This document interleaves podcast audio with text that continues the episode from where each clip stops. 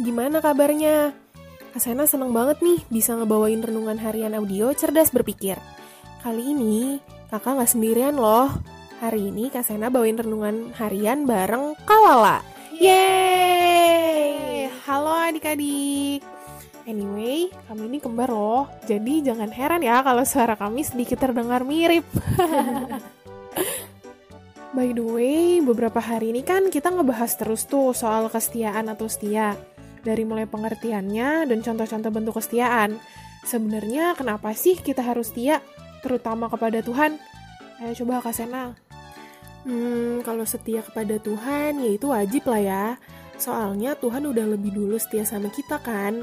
Kayak yang tertulis dalam 2 Timotius 2 ayat 13.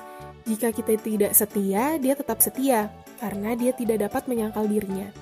Ya, emang sih kita nggak akan pernah bisa membalas kebaikan Tuhan, tapi paling nggak kita tahu terima kasih lah sama Tuhan dengan setia kepadanya.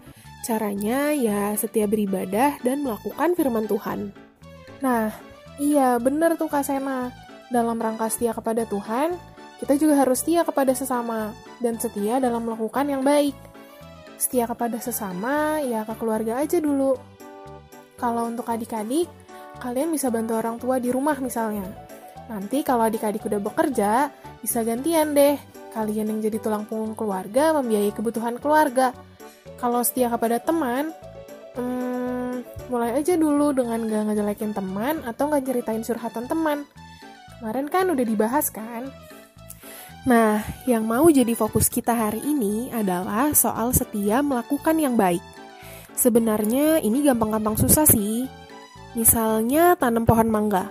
Kayaknya nggak sedikit orang yang bisa tanam pohon mangga dari mulai biji. Tapi banyak juga orang yang nggak sabar merawatnya dan nunggu bertahun-tahun sampai mangganya berbuah.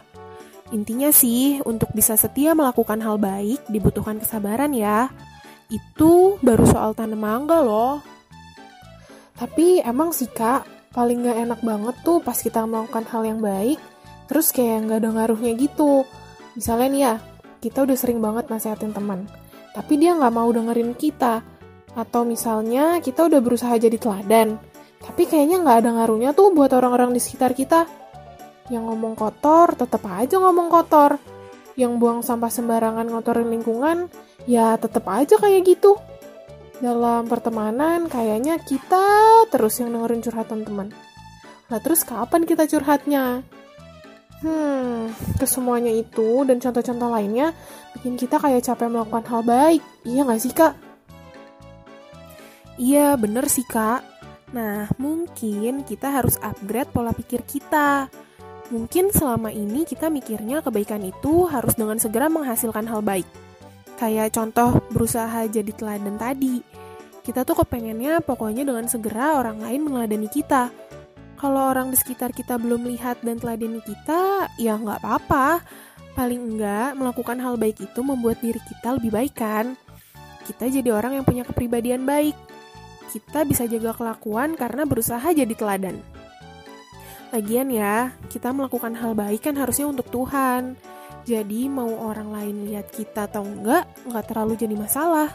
Yang penting Tuhan lihat kan. Kalau setiga ayat 23 kan bilang gini kak, Apa pun juga yang kamu perbuat, perbuatlah dengan segenap hatimu, seperti untuk Tuhan dan bukan untuk manusia. Iya, betul adik-adik. Galatia 6 ayat 9 bilang begini, Janganlah kita jemu-jemu berbuat baik, karena apabila sudah datang waktunya, kita akan menuai jika kita tidak menjadi lemah. Kita yakin aja bahwa suatu saat nanti hal baik yang kita lakukan selama ini pasti menghasilkan buah yang baik bagi kehidupan ini. Cerdas berpikir juga gitu sih, kami yang nulis renungannya, yang bawain renungannya, yang desain gambar sampul renungannya, juga lagi berusaha setia menaburkan firman Tuhan melalui renungan harian audio ini. Walaupun kami nggak tahu apa adik-adik dengar setiap hari atau enggak, tapi yang kami sama-sama yakini, suatu saat apa yang kami lakukan pasti menghasilkan buah yang manis. Itulah yang menjadi penyemangat cerdas berpikir, tetap berkarya.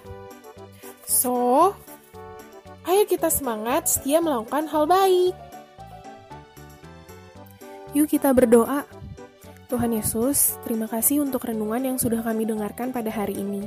Kami mengucap syukur kalau beberapa hari ini kami boleh belajar tentang kesetiaan. terutama setia kepada Tuhan, sesama, dan setia dalam berbuat baik. Ajar kami untuk bisa konsisten dalam hal kesetiaan, terutama setia dalam berbuat baik, sehingga apa pun yang kami lakukan, namamu saja yang dipermulakan.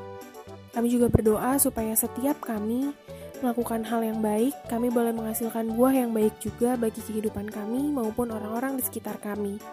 Terima kasih Tuhan Yesus. Haleluya. Amin. Oke, tetap sehat, tetap semangat, dan tetap jadi berkat. Tuhan Yesus memberkati. Dadah.